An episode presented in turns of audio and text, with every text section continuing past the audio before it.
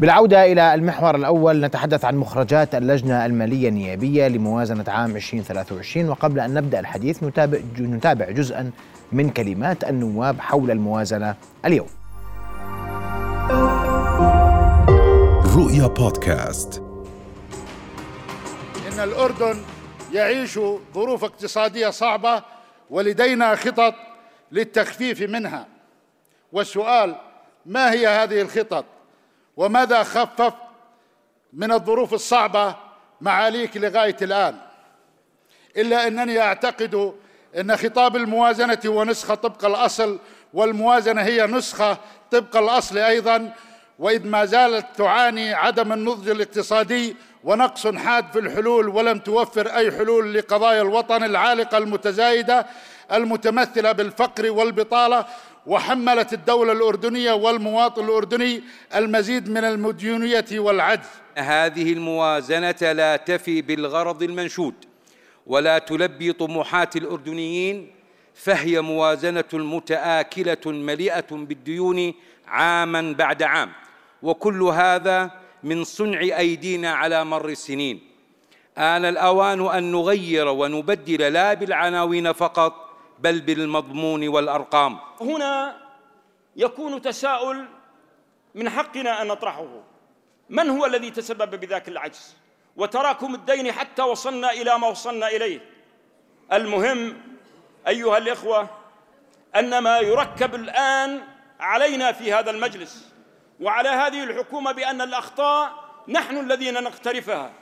نحن نعرف أولئك الذين يحاولون أن يحملوا مدية في الظلام ليطعنوا الوطن.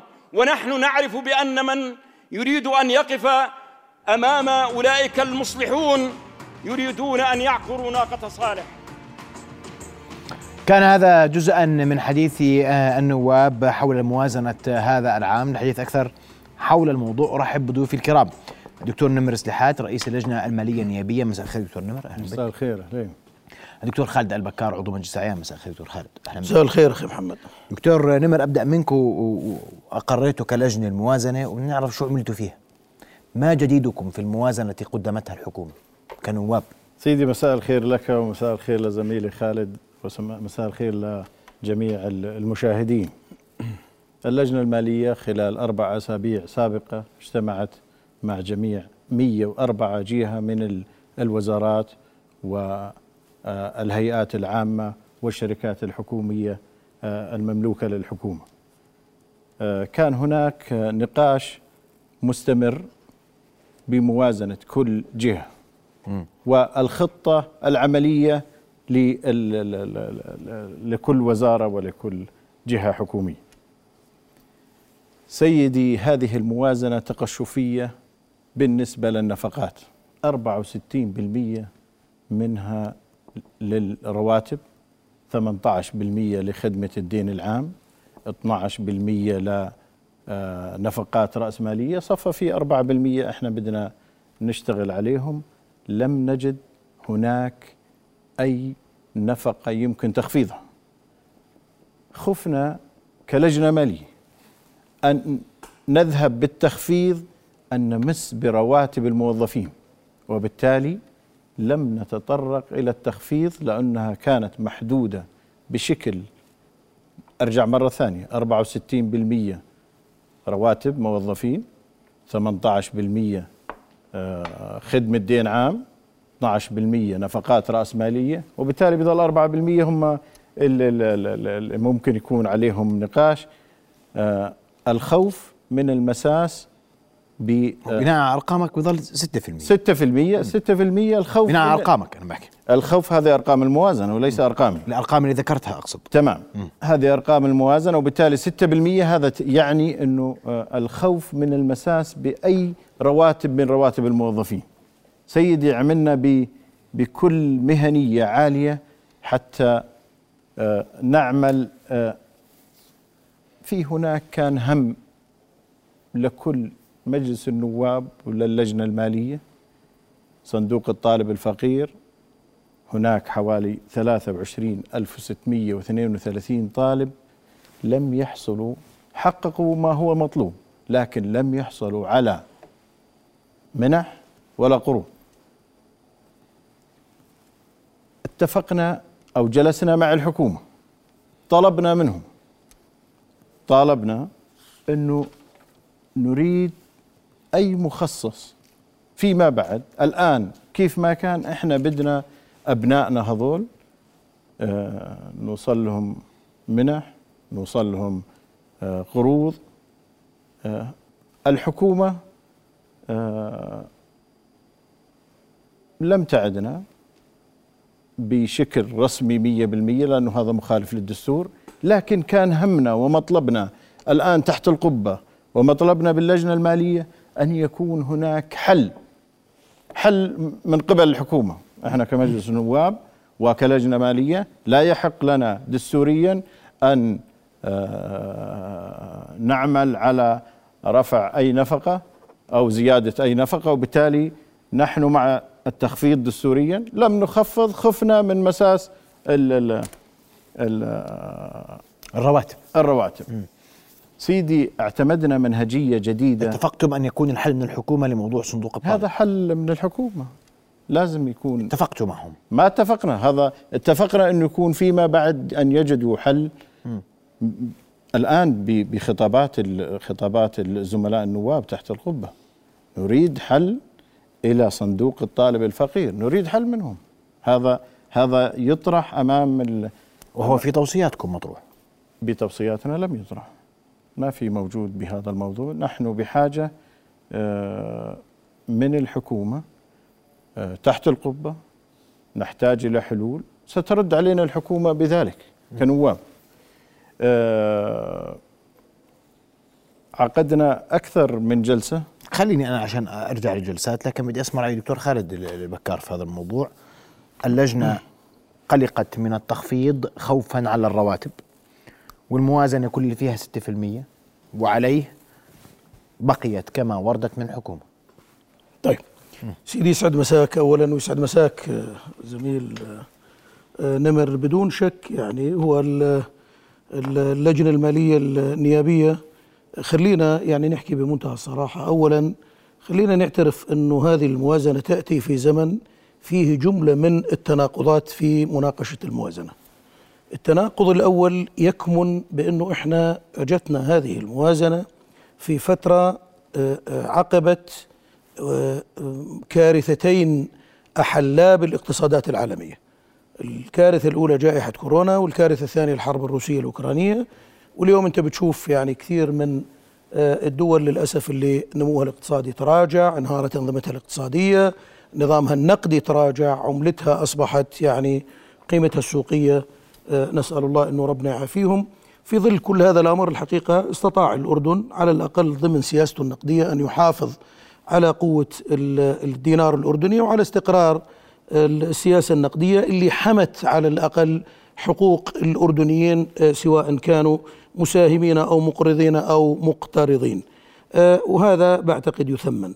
التناقض الآخر الحقيقة من الجانب الآخر وهنا يأتي الألم الأكبر إنه أنت تقر هذه الموازنة. وأنت تتجه إلى رؤية اقتصادية. في رؤية اقتصادية جديدة. كويس. فيها برامج فيها مبادرات فيها مبادرات قطاعية. بنحكي عن ثمان محركات بنحكي عن عدة مبادرات وهذه كلها كلف. وفي بالموازنة مخصص من المفروض 670 مليون دينار. مقسمات طبعا كل حسب حصته. لكن أيضا يعني هذا رقم بدنا ننظر له بعين ال- الاعتبار. هلأ باجي على جانب إنه الخوف من مسألة التخفيض. الحقيقة ما يقلق في الأمر مش إنه إحنا خايفين من التخفيض لأنه نمس الرواتب. الرواتب الأصل ثابتة ولا مساس فيها. إحنا بنحكي عن آه، آه، ال- ال- البنود اللي قابلة للتخفيض. وأنا بعتقد النسب ويا ريت لو يراجعها الدكتور نمر إذا كان التقرير من الحكومة آه، بتفق إنه خدمة الدين خدمة الدين مرتفعة آه، بس مش 18% أعتقد أقل من هذا الرقم. لذلك بدنا بس نراجعهم هذول الأرقام. أعتقد المتاح بالموازنة في بعض الجوانب نستطيع أن نخفض فيها ولذلك بقولوا واحدة من ميكانيكيات التعامل مع الموازنة. شيء بسموه كاتنج ذا فات يعني أنت بدك تقصقص الزوايد اللي بالموازنة. آه، مزبوط في أرقام ريجد وبنحكاش فيها وصعب إنك تغيرها لكن اليوم إحنا بنتحدث عن موازنة ب 11 مليار 11 و4 بالعشرة. لما بنقول 6% و7% هذا رقم مش سهل. إحنا مش عم نحكي قاعدين عن موازنة 200 ألف و300 ألف ومليون ومليونين. فلذلك حتى الستة بالمية على الحسابات على التقارير التي قد لا أقرها لأنه الحقيقة بدي يعني أراجع. بس مسألة خدمة الدين مباشرة يعني حسبتها أنا الأصل إذا بتقصد من النفقات الجارية فمن المفروض تطلع حوالي ال 15 إذا بتقصد من مجمل الموازنة لازم تطلع 13% فيعني بظل في هوامش ممكن نتحرك فيها. عموما آه، آه، شو الأشياء اللي بنقدر نخفض منها؟ لا بنقدر نخفض بأشياء كثيرة. آه، أنا بعتقد لو حسبت جوانب الدعم في الموازنة لو حسب النمو يعني اليوم أنت لو اطلعت على النمو في الإيرادات والنمو بالنفقات. النمو بالنفقات اليوم بمجمله تجاوز الثمانية بالمئة وهذا رقم كبير. آه، صحيح في جزء منه راح للرأسمالي لكن بالنهاية بدنا نعترف أن هذه نسبة نمو عالية. الأصل اليوم لما بتنظر إلى الأرقام التأشيرية هذه الأرقام تنذرك بالخطر وأنا يعني ما بدي أمارس أو أوصل رسالة قلق للمواطنين لكن بقول إنه لما بطلع على الحكومة بتجيب لي هذه الموازنة. إيش الخطر بس هلا بقول لك شو قول لي شو الخطر؟ ما خلينا نكمل لك. الحكومة بتجيب مشروع الموازنة تعطيك تقديراتها من إيراداتها لهذه السنة وبتعطيك نفقاتها الحقيقية لهذه السنة ومن ثم بتعطيك لسنتين أرقام تأشيرية. إذا كنا بنحكي عن نسبة نمو متواضع للسنتين الجايات التأشيريات والسنة الثالثة هاي اللي إحنا فيها اللي هو برنامج الحكومة اللي جاي نحكي عن نسبة نمو بحدود 2.7 بالعشرة بالمئة. هذا واحد. النقطة الثانية نحكي عن عجز أولي. يعني هذا عجز بتعرف بحسبوه كالتالي النفقات وهي الثابتة واللي عادة بتزيد خلال السنة والإيرادات واللي عادة إما أن تنخفض أو تتحقق بنسبة خجولة. يعني يا إما تكون راس براس أو ممكن حتى تنخفض قليلا. في ظل هذه المعادلة هذا يعني أن العجز الأول اللي بنحكي عن مليارين ونص كتجميعي هو عجز اولي راح يزداد بآخر السنة. يعني بنحكي لنا مثلا بأخذ بند وبعرفش الدكتور نمر يشاطرني الرأي. يعني لو أخذت بند الإعفاءات الحكومية الإعفاءات الطبية أسف حاطين له 100 مليون 102 مليون مش هيك؟ بالموازنة. طيب آه، يعني كلنا نعرف إنه إحنا سنويا هذا الرقم لا يكفي. بزيد مش هيك؟ بننط عنه كثير. بزيد له 100 150 مليون زيادة. هذول بدك تحطين وين؟ على العجز الجامعات حاط للجامعات 70 مليون. طيب ما هي الجامعات يا بدها تغطي؟ شوف قديش القروض آه، وقديش مديونية الجامعات اليوم. في جهتين أو خلينا أربع جهات خلينا نسميهم بالتفصيل مديونيتهم مقلقة وعادة الحكومة تعتقد إنه هذول خارجات عن رحمها. الجامعات واحدة منهم وهذه مشكلة كبيرة. البلديات هذه معضلة. يعني مديونية البلديات اليوم أنا ما بعرف إذا يعني تم الاطلاع عليها وبسوى أنه تتناقش لأنه بالنهاية ترى الأرقام للأمانة تفاقمت يعني لدرجة لا يتصورها العقل آه، هلا كل هذه كل هذه المديونية بالنهاية الحكومة لا تستطيع أن تقف متفرجة في وجه الجامعات ولا تستطيع أن تنظر إلى البلديات ولا تستطيع أن تنظر لكل هذه الجهات اللي مديونيتها نبكو شركة الكهرباء الأردنية وسلطة المياه. وهذه للأمانة هذول أربع جهات فيهن معضلة كبيرة. يعني إحنا دائما بنحسب الدين العام. طيب خلينا نطلع على أيضا مديونية هذه الشركات. لذلك وين الخطر؟ الخطر إذا أنا بأرقامي التأشيرية بقول إنه عندي عجز أولي متوقع 2.5 مليار كل سنة. معناته أنا بعد أربع سنوات شو بده يكون حالي؟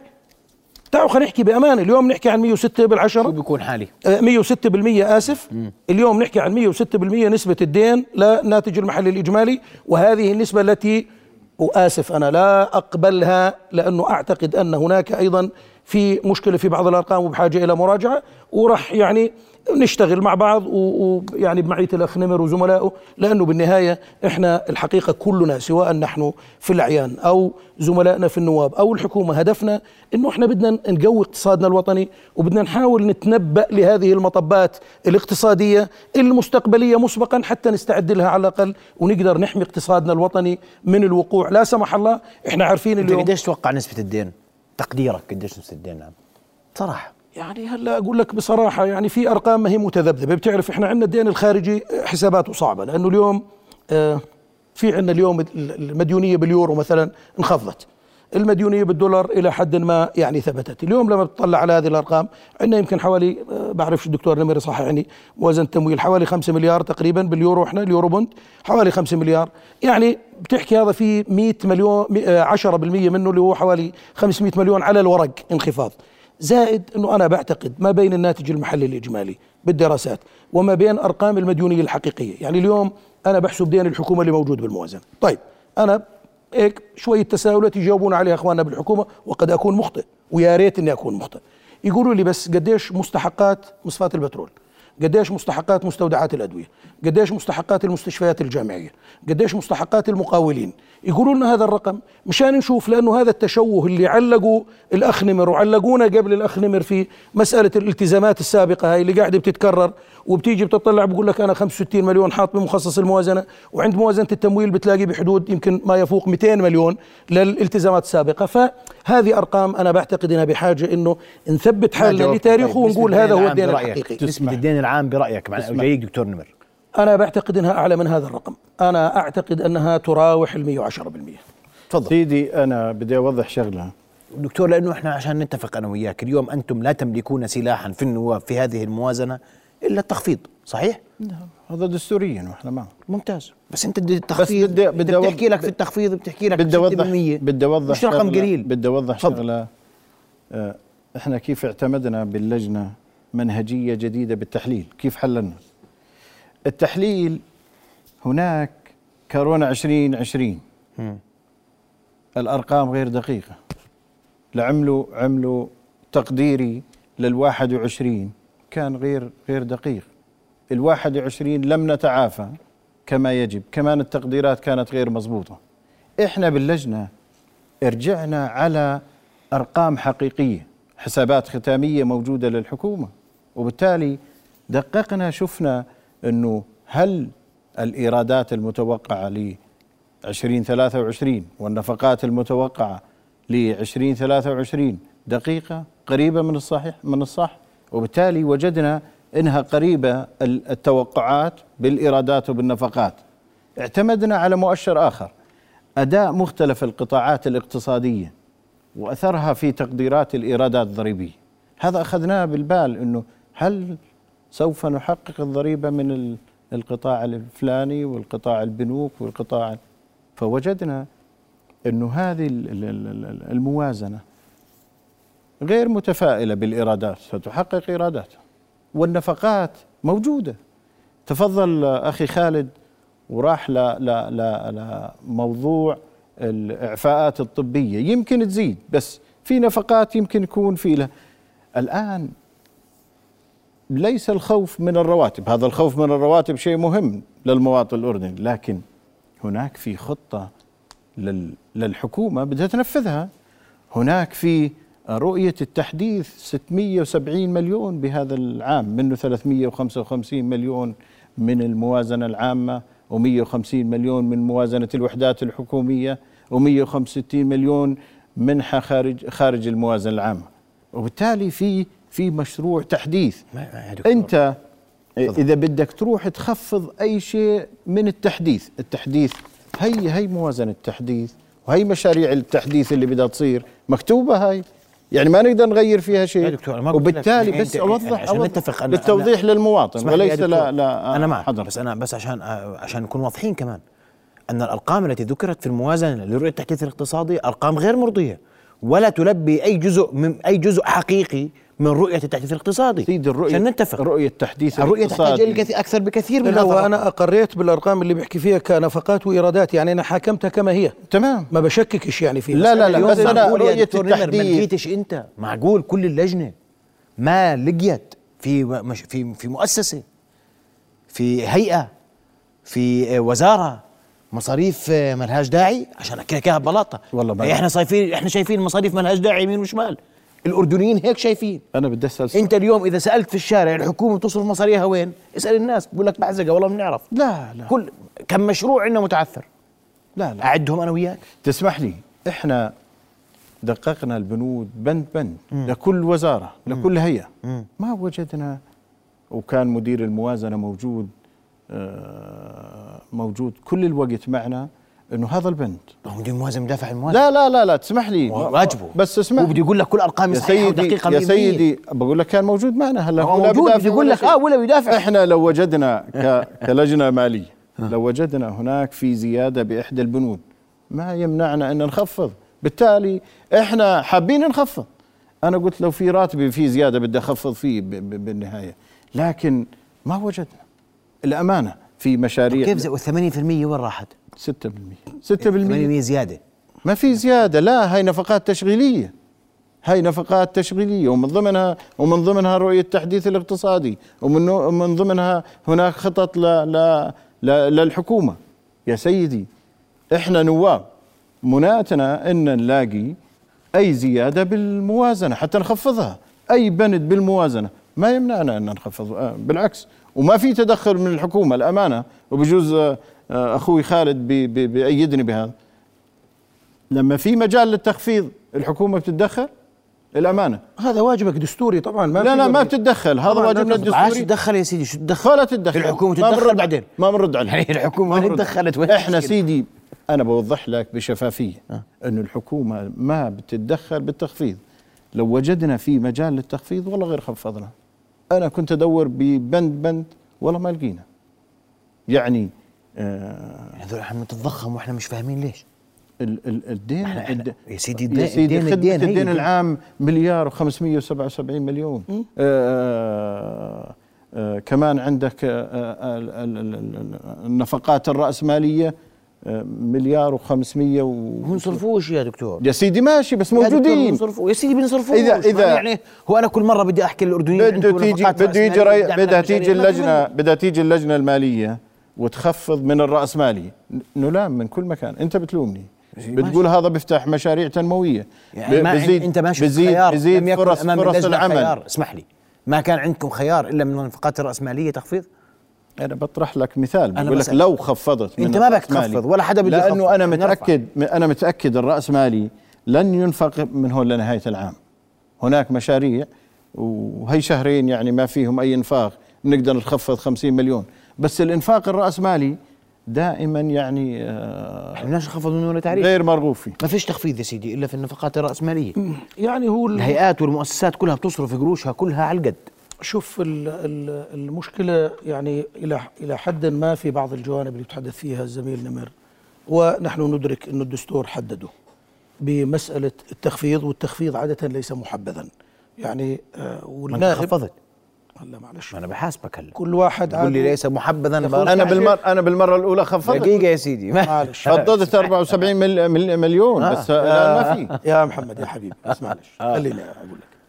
آه وأنا للأمانة ما دام النقاش لا زال مفتوح آه أنا بعتقد إنه النفقات الرأسمالية من حيث المبدأ كلها بحاجة إلى إعادة نظر. يعني أنا بعتقد دكتور نمر لو بحثنا في النفقات الرأسمالية نفسها الأصل إنه في لها جزئين. نفس النفقات الرأسمالية. نعم. ترى فيها جزء جاري. يعني بس لو كنا أخذنا النسب يعني يا ريت بس قالوا لنا قديش النسب. خاصة إنه أنا إذا بدي أطلع على الأرقام و- وبدي أتوقع النمو خليني أقول لك يعني أنتم حاطين 1591 مليون راس ماليه 878 مليون مشاريع مستمرة. 550 مليون قيد التنفيذ 262 مليون مشاريع جديدة. يعني أنا مش فاهم مسألة هال 1500 مليون اللي حاطين شو الزيادة عن يعني إذا بدنا نقول ال 8% زيادة بالنفقات هي أكلتها الإنفاق الرأسمالي ما كل اللي حاطينه جديد 260 مليون المشاريع جديدة كلها 260 مليون دينار. هاي من أرق... يعني أرقام الموازنة هيك بتقول هذا من ناحية. سيدي بس آه، تسمح لي؟ يعني ما دام آه، نفقات راس ماليه تنحسب التوتالي لأنه هذا بدي أقول مستمر بعده مشاريع عم تتنفذ. لما شلت النفقات ال- لما خفضت النفقات أخي نمر أنا لما كنت موجود ترى في بعض الوزراء وأنا مسؤول عن كلامي. تمام. كان آه، مخصص ملايين من أجل مشاريع للتشغيل. بيجي بيعمل مشروع بس مشان يشغل له 150 و200 واحد عليه. عرفت؟ أنا مش ضد التشغيل بالمناسبة. صحيح. بس ما تعمل التشغيل لفئة على حساب فئة. خليك عادل مع الأردنيين لما بدك تقدم النفقة. هذا من ناحية. صحيح. نقطة ثانية وأنا حكيتها قبل ما تبداوا بالموازنه وكنت أتمنى أنه كلنا نراجعها. كفاءة النفقة من حيث المبدأ. هل هي النفقة حقيقية؟ مزبوط. إحنا بنقول قاعدين بنأخذ النفقة السابقة وبنزيد عليها نسبة النمو وبنضربها فيها وبنقول والله صار انفاقي هالقد. بس الأساس البيس اللي أنا اعتمدت عليه هل هو حقيقي ولا لا؟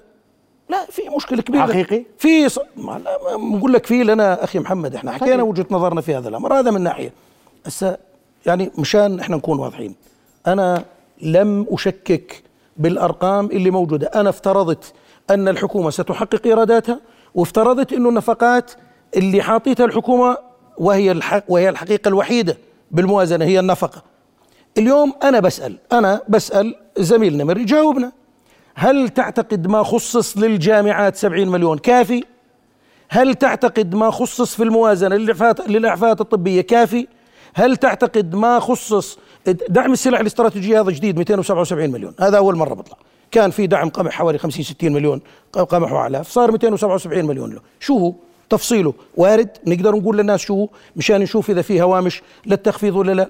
نفس النفقات الطارئة والنفقات العامة الموجودة. يعني في هلا ما فيش بالمرة نقول ما في أنا بعتقد إنه صعب. طيب لا بعد الفاصل رح أسمع إجابتك على ما أورد الدكتور خالد. من أسئلة فاصل قصير ثم نواصل ابقوا معنا.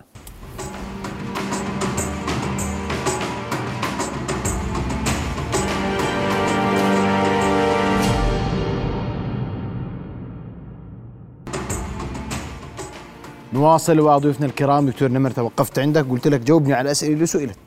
والله أجبني على ما يسأل. سيدي أنا آه، بدي أروح ل هل الإنفاق ال basic حقيقي ولا ما له؟ آه. إحنا لما رجعنا على على الحسابات الختامية هذا الحسابات الختامية بتبين لك الإنفاق كم بالضبط لل للرواتب. هذا ال basic اللي بنحكي عنه وسألك عن المكافآت والمصاريف الأخرى والسفرات اعدل لك.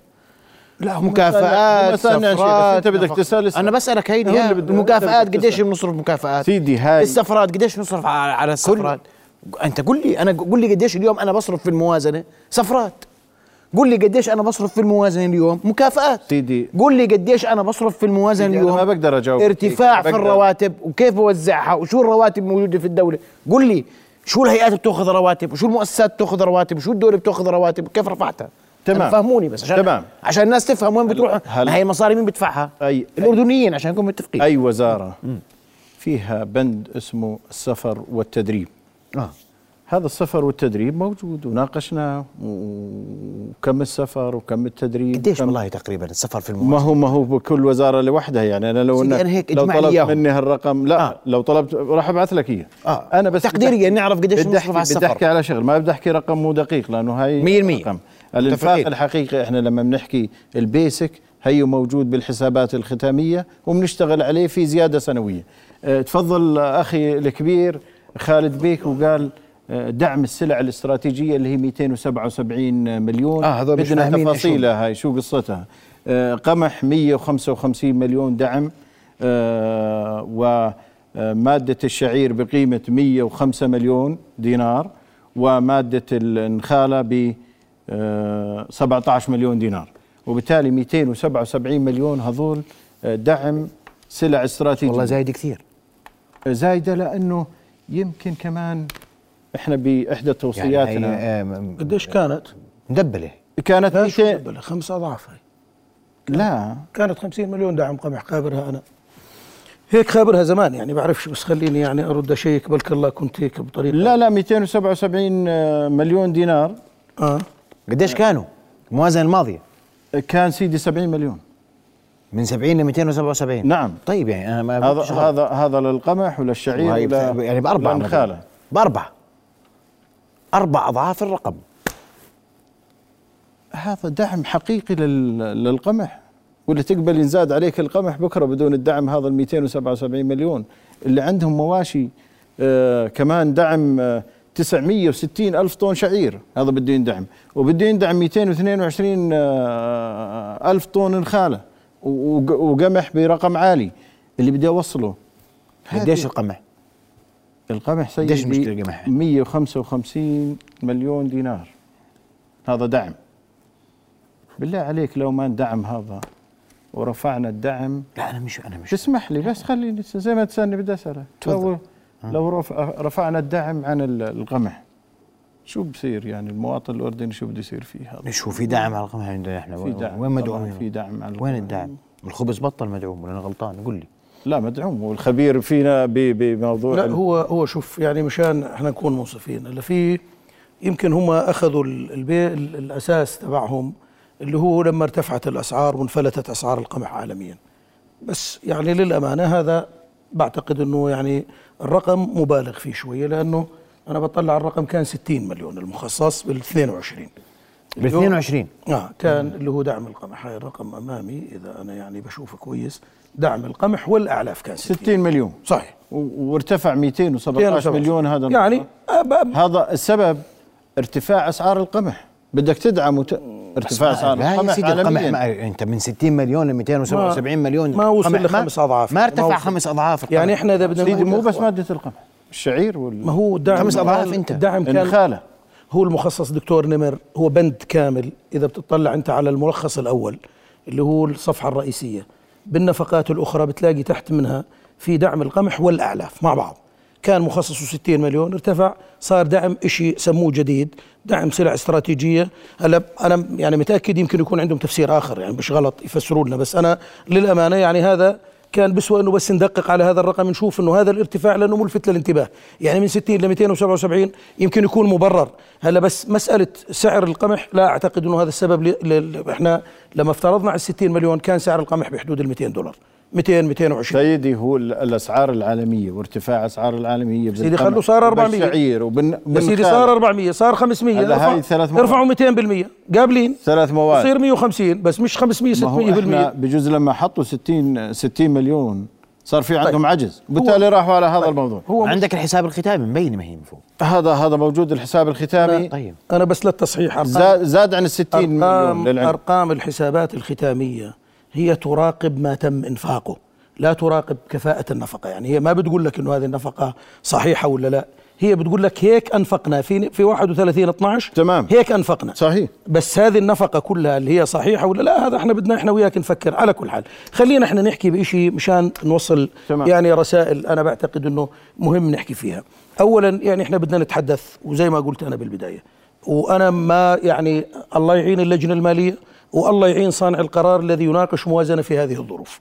هذه ظروف صعبة قاسية على الكل في تراجع في اقتصادات العالم بشكل عام. آه، آه، إنه بنلاقي هوامش وهذا اللي بخلينا نخاف على العجز اللي بالموازنة المتراكم. ليش؟ أنا ليش بخاف من العجز؟ لأنه العجز لو ناتج عن إنفاق رأس مالي بزعلش.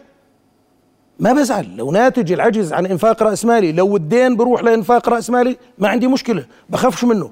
بس أنا بخاف إنه نسبة الاعتماد على الذات بعدني لليوم مش قادر أوصل المية بالمية. هذا اللي بخوفني. يعني أنا بدي أصل لمرحلة. ليش بقول بدنا نضبط النفقات؟ لأنه الإيرادات هينا قاعدين بنبالغ أو بنبالغش. بنحط أو بنحطش بنجيب إيرادات ضمن حدود معينة. طيب خليني أضبط هالنفقات شوي اللي على الأقل أصل لنسبة اعتماد على الذات 100% اللي إيراداتي المحلية تصير تغطي على الأقل نفقاتي العامة. بلاش يا سيدي إيراداتي المحلية خلي إيراداتك كلها بما فيها المنح تغطي وعلى الأقل اتدين للإنفاق الرأسمالي. بس أعمل إنفاق رأسمالي 1500 والرقم أنا عارفه إنه مش دقيق ولن ينفق كله واتدين 2.6 بالعشرة مليار. يعني هون هاي ارقام بدنا نحاول نحكي فيها. طيب خلينا الآن نحكي بالأهم. الأهم أنا بعتقد إنه عندنا مشكلة كبيرة بالنمو الاقتصادي اللي لسنوات للأسف الشديد ما نما اقتصادنا بالقدر المطلوب. وهذا اللي بيأذينا وهذا اللي مضايقنا. عشان هيك أنا بقول اليوم حتى تقدر تتصدى مشان إحنا نبتعد عن المطبات المستقبلية. لاقتصادنا الوطني بدنا نقيم واقع الحال تبعنا. شو واقع الحال تبعنا؟ بقول إنه أنا السنة مضطر أتدين حوالي 10 مليار. لما مضطر اتدين 10 مليار موازنة التمويل اليوم أو 9 مليار وإشي ما بين موازنة دوائر حكومية وما بين مؤسسات حكومية أو مؤسسات مستقلة اللي إحنا بنسميها ما جرى تسميتها اليوم أنا مضطر اتدين 9 مليار. طيب بروح منهم جزء لتسديد ديون وبروح كذا ولتسديد العجز. ماذا يعني ذلك؟ إنه أنا كل سنة بدي اضل ارحل 2500 2600 مليون وقد أصل إلى 3000 مليون. كل سنة هذول بدهم يكون عجز في الموازنة بدي أضطر أستدين. ماذا يعني ذلك أن الدين العام سيرتفع ثلاثة بال... طب إذا اليوم أنا قاعد بشكي من خدمة الدين.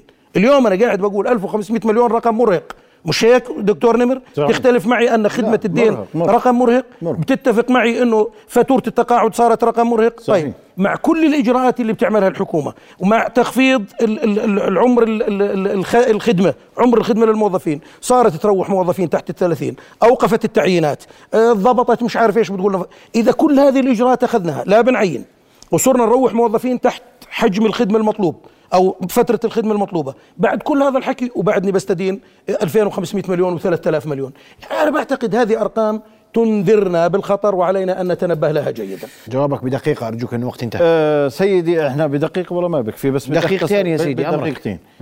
آه العجز في عجز سنوي موجود وفي مديونية بتزيد وهذا هذا كلام صحيح وما في تعيينات وفي بطالة وفي فقر.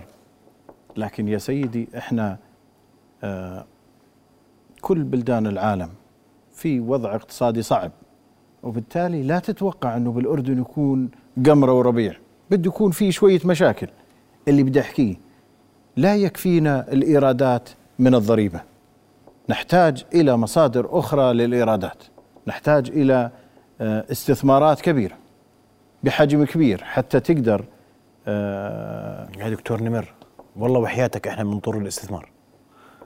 لا الآن في وزارة استثمار جديده يا سيدي أنا بقول لك أنت الآن في الصح ونضحك على بعض في وزارة استثمار بدك نضحك جديدة على بعض أقول لك نحن إحنا بنط... إحنا إحنا لازم ندور كيف طفشنا المستثمرين اللي كانوا عندنا وكيف بنطفش راح المستثمرين يرجعوا راح. يرجعوا في. استثمارات. سيدي في وزارة. استثمار جديده أنا غلطان وأنت صح. وفي قوانين استثمار جديدة وفي حتى النظام قد ما هو مستعجل الحكومة وشغالة بطريقة صحيحة نظام الاستثمار جاهز وبلشوا يشتغلوا عليه نتمنى انه يكون في استثمار حقيقي ومستثمرين حقيقيين. إن شاء الله. وهي وهي الرؤية الاقتصادية يا جماعة يا رب. إن شاء الله. يا رب. المهم ما- نلاقيش كمان تعيينات على الحالات الخاصة. لما بنقول نوقف التعيينات هون وهون. وبنلاقيها تعيينات هناك وهناك. بصراحة أقول لك. تطلع قوائم هون وهون وتطلع من قوائم هناك وهناك. التنافس. التعيينات الاستثنائية. أنا ما بدافع عن معقول. الحكومة. أنا ما بدافع عن ولا عن بهاجم أنا أنا هاجم بهاجم. بحكي عن كل من. يتخذ قرار أمام الشارع وبفكر إنه الشارع غافل عما يفعل. لا أحد عاد اليوم غافلا عما تفعل الحكومات واليوم الموازنات والأرقام صارت بين ايدين الناس صارت تفهمها أخي صارت محمد. في أمور ما بتفهم كيف تنصرف أخي محمد تفضل. بس وأتمنى من زملائي إنهم يرجعوا فقط للبلديات. وبعدني بقول البلديات يا إخواني وحدات تنموية وهي الأكثر اشتباكا وهي الأكثر ال- يعني يتلمسها المواطن من خلال الخدمات اللي تقدمها. ارجعوا للمديوني للبلديات. قديش كانت مديونيتها؟ قديش صارت؟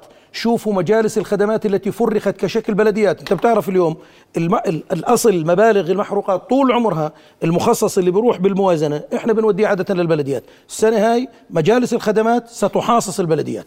لأنه هذه فرخناها جديد وأتمنى عليك كرئيس لجنة مالية وهي أخ محمد أنا بقول ناقشوها وشوفوا قديش الأرقام اللي أنتم بتقدروا تخفضوا فيها وبتقدروا على الأقل تضبطوا النفقة في هذا شدوا. حيلكم في الأعيان يا سيدي؟ عشان زائد- انت ترميش على النواب وعين لا يا سيدي إحنا نرمي عليكم كمان. أن- يلا. النواب- إحنا واحد. سيدي لا، لا، النواب بالنهاية- لا زي كيف واحد؟ ليش بقول النواب لا لا أخي محمد أخي محمد إحنا برضه كمان يا إخوي حافظين دروسنا دستوريا. طبعا. النواب هم دستوريا هم أصحاب الثقة هم من يمنحوا الثقة للحكومة ولذلك الحكومة تعمل الآن بثقة مستلفة منهم. وهم يستطيعوا سحبها متى شاءوا هذا الحكي مش مو أنا بس بدي أقول في نقطتين بتمنى إنه نركز عليهم. خلينا نسأل بس عن الذمم المتراكمة وخلينا نشوف للمصفى وللمستودعات وللمستشفيات وللمقاولين نشوف قديش هذا الرقم ونشوف موازنة البلديات قديش زادت مديونيتها وقديش الجامعات زادت مديونيتها ونأخذ الرقم المجمع والتجميعي ونقارنه بالواقع الموجود. وبعتقد بنكون من هون بدأنا ننطلق انطلاقة صحيحة مع الحكومة لضبط نفقاتنا ضيوف الكرام بدي أشكركم الشكر كل الشكر. الحديث عن الموازنة سيبقى مستمرا خلال مناقشتها وبعد إقرارها الذي سيكون تحصيل حاصل بعد إذنكم. يعني رؤيا بودكاست.